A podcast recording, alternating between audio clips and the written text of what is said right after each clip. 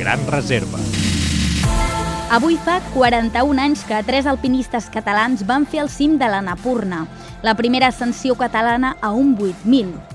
Josep Manel Anglada, Jordi Pons i Emili Cibis van arribar als 8.026 metres de l'Anapurna Est, després de 23 hores d'ascensió sense utilitzar oxigen suplementari.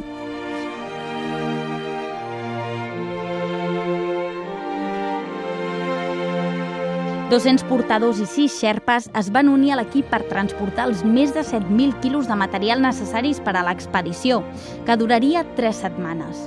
Però a principis dels anys 70 els portadors encara no estaven acostumats a aquesta feina i els xerpes els feia por ascendir per l'Himàlaia. De manera que els expedicionaris van dividir el grup en dos i els tres alpinistes catalans van liderar l'equip que arribaria dalt del cim.